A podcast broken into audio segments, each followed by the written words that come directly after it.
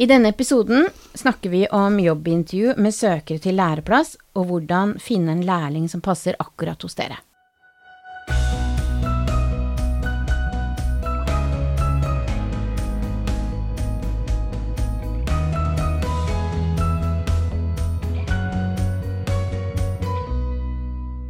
Velkommen til denne episoden av Veilederbua.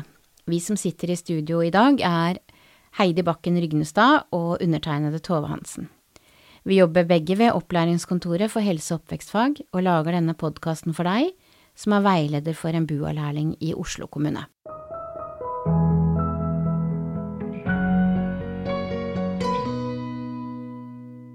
I forhold til det å finne en uh, lærling som passer hos dere, hva er det vi gjør på opplæringskontoret i den prosessen, Heidi?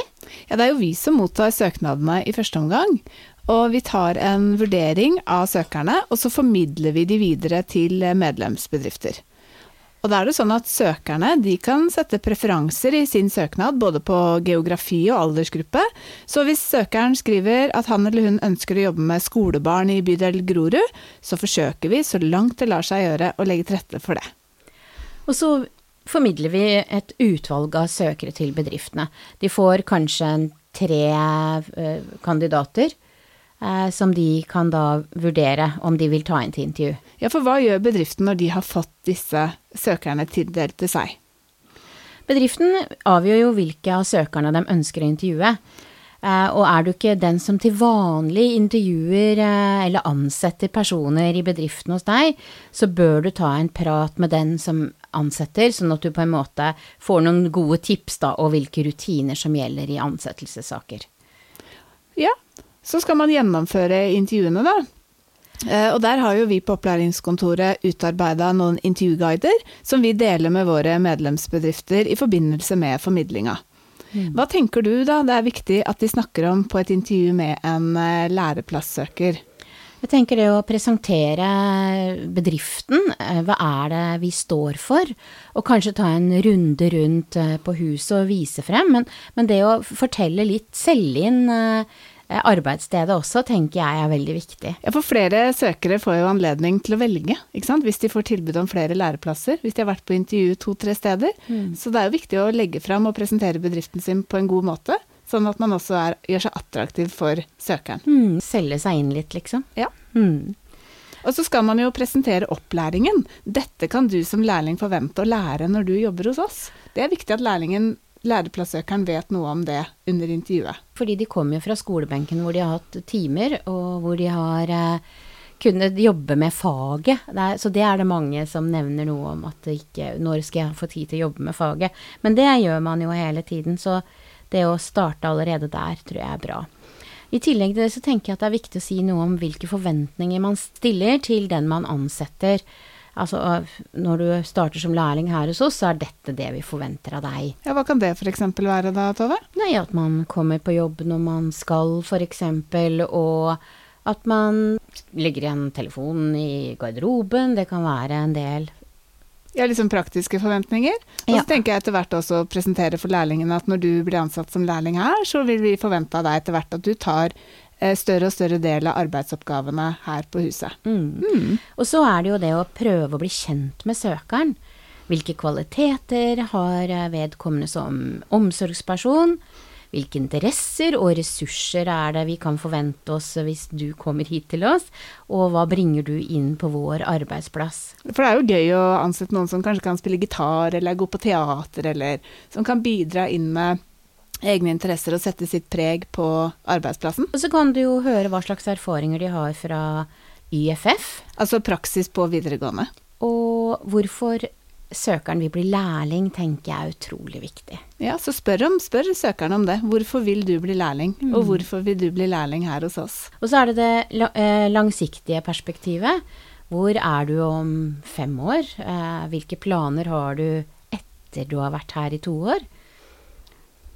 Og så kan det være nyttig å få noen um, innspill fra lærlingen på hvilke forventninger han eller hun har til læretida og til bedriften. Jeg vet at uh, veldig mange velger å bruke et case som uh, søkeren skal gi innspill på og sine tanker på i intervjuet. Så det er et godt tips, og det står vel også i intervjuguidene eksempler på case man kan bruke når man sitter der i intervju, intervju med læreplasssøker. Og så tenker jeg jo at det er viktig å si noe om at hvis vi skal ha deg her i to år, så er det viktig for oss å vite eh, litt mer spesifikke ting om lærlingen, da. Om det er, skulle være noen utfordringer, eller om det er noe vi kan eh, Som vil ha behov for tilrettelegging, f.eks. Det tenker jeg er viktig. Så hvis det kommer fram noe da, som gjør at den som intervjuer merker at eh, her kan det være noe vi må tilrettelegge ekstra mye for, men allikevel ser et stort potensial hos lærlingen, hva er det vi tenker at uh, den som intervjuer og ansetter skal ta en vurdering på da? Det du må ta en vurdering på, er hva er utfordringene, og har vi ressurser på arbeidsplassen vår til å legge til rette for uh, de utfordringene en lærling vil ha, da. Og så er det jo ikke dermed sagt at uh, utfordringer noen har hatt i skolegang, betyr noe når man skal ut i jobb. Heller stikk motsatt. At det kan være positivt å få kommet ut i jobb og få brukt seg på andre måter enn man gjorde på skolen. Mm. Og så tenker jeg at det å sjekke referanser, det er viktig. Ja. Så hva sier de som har hatt eleven på YFF? Kontakt også andre referanser dersom lærlingen har eh, oppgitt det på søknaden sin. Tove, du har jo vært en som ansetter i eh, andre stillinger du har hatt. Hva gjorde du for å få en trygg ramme og atmosfære på intervju? Jeg var eh, veldig bevisst på hvordan vi satt, f.eks., og at jeg var eh, imøtekommende og viste interesse for personen. Eh, jeg hadde lest eh, søknaden grundig på forhånd, sånn at jeg var forberedt eh, på hvem jeg skulle møte. I hvert fall gjort meg opp noen tanker om det. Og så ga jeg en liten omvisning før vi satte oss ned, og observerte hvordan eh, vedkommende var i møte med barn og andre voksne. Og i tillegg til det så, så, hadde jeg kaffe og vann, og hadde gjort det litt sånn hyggelig der hvor vi skulle sitte. Og det fungerte veldig godt. Det var ytterst få som ble veldig, veldig nervøse når du skaper den gode atmosfæren, da. Ja, for vi må jo minne alle våre faglige ledere og medlemsbedrifter på at dette jobbintervjuet kan for veldig mange av søkerne være aller, aller første møte med arbeidslivet. Og så tenker jeg det er viktig å huske på at de er unge, ikke sant. Altså der kommer en 17-åring kanskje. Og det skal jo også Er det viktig å legge vekt på, da. At uh, det er unge folk vi prater om her. Mm. Ja, så skal valget tas, da. Og som i andre ansettelsesprosesser, så skal søkeren eller søkerne tilbys en arbeidsavtale. Og for nesten alle søkere på læreplass så snakker vi her om arbeidsavtale på to år. Så for å forsøke oss på en liten oppsummering av dagens episode.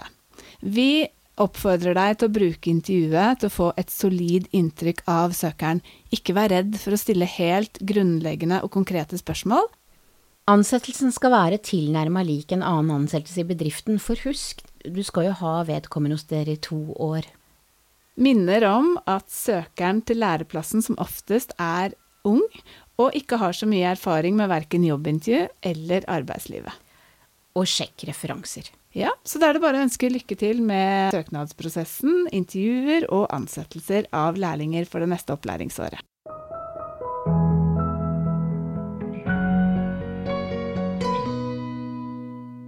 Du har lyttet til Veilederbua. I studio i dag har du hørt Heidi Bakken Rygnestad og Tove Hansen. Du finner støttemateriell til denne episoden i OLK, og har du spørsmål eller ideer til nye episoder, ta kontakt. Husk, vi lager denne podkasten for deg.